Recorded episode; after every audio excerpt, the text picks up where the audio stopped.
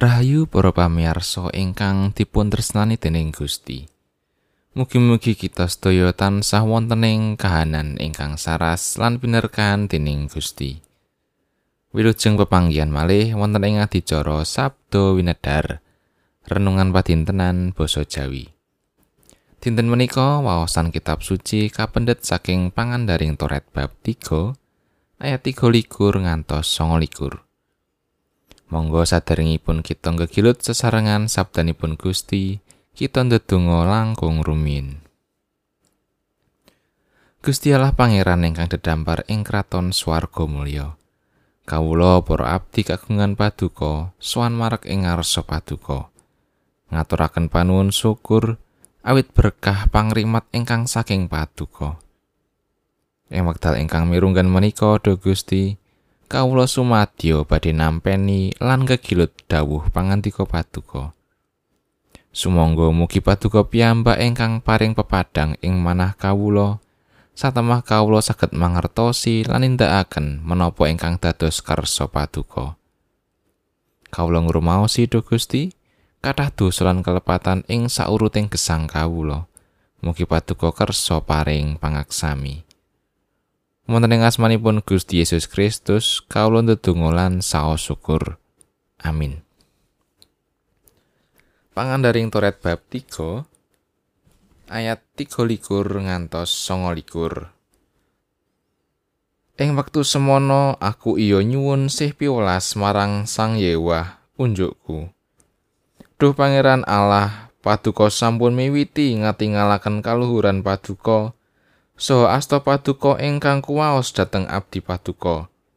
Awit dene ing swarga miwah ing bumi, menapa wonten Allah malih ingkang saged nindakaken pandamel ingkang prakoso kados paduka. Mugi kawula kelilano nyabrang ningali nagari ingkang sae wonten ing sabrangipun benawi Yarden, inggih tanah Parden ingkang sae menika, saha Parden Libanon. Nanging pangeran Yewah duka marang aku marga saka kowe lan ora nyembadani panyuwunku. Malah aku dipangandikani dening Sang Yewah. Wis cukup. Sira aja munjuk maneh marang ingsun bab prakara iku. Sira munggah menyang pucake gunung Pisga nuli ndeleng mangulon mangalor mangidul sarta mangetan lan delengen kang temenan marga sira bakal ora nyabrang ing bengawan Yarden iki. Lan sira prentao marang Yusak.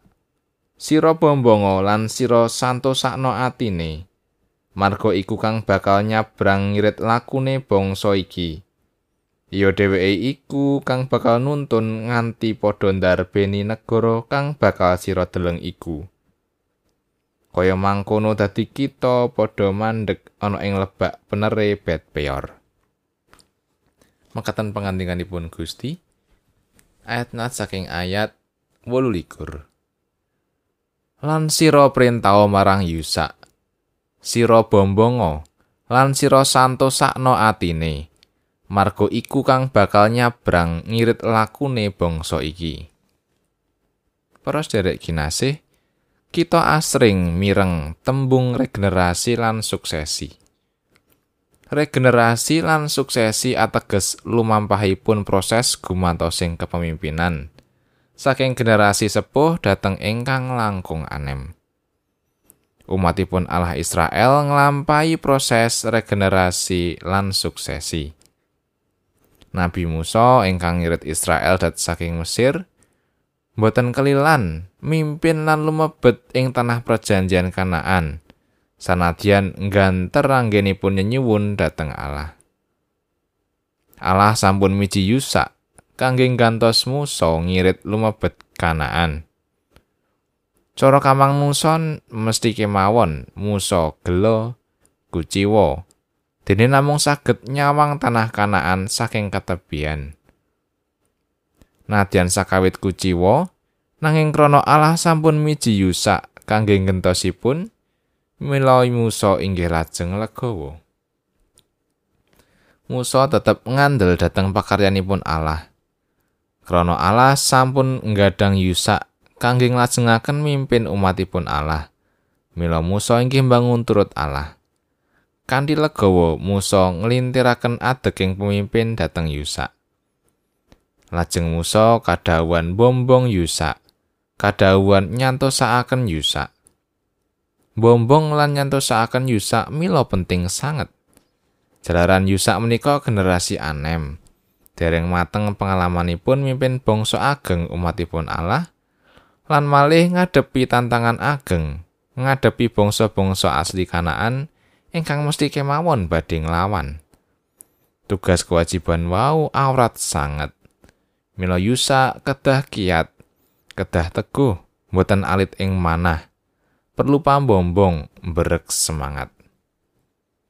Mangkatan mau tulodo dhateng kita ingkang sepuh kangge legawa memulang gula wentah para anak, para ingkang taksih anem, kanthi kebak ing pambombong ingkang saya ngiyataken lan nyemangati.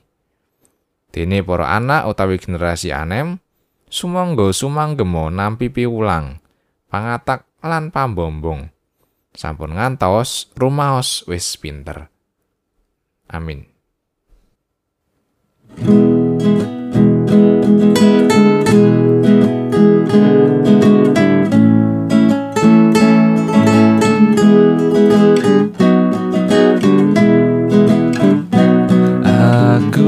kangen mring omahku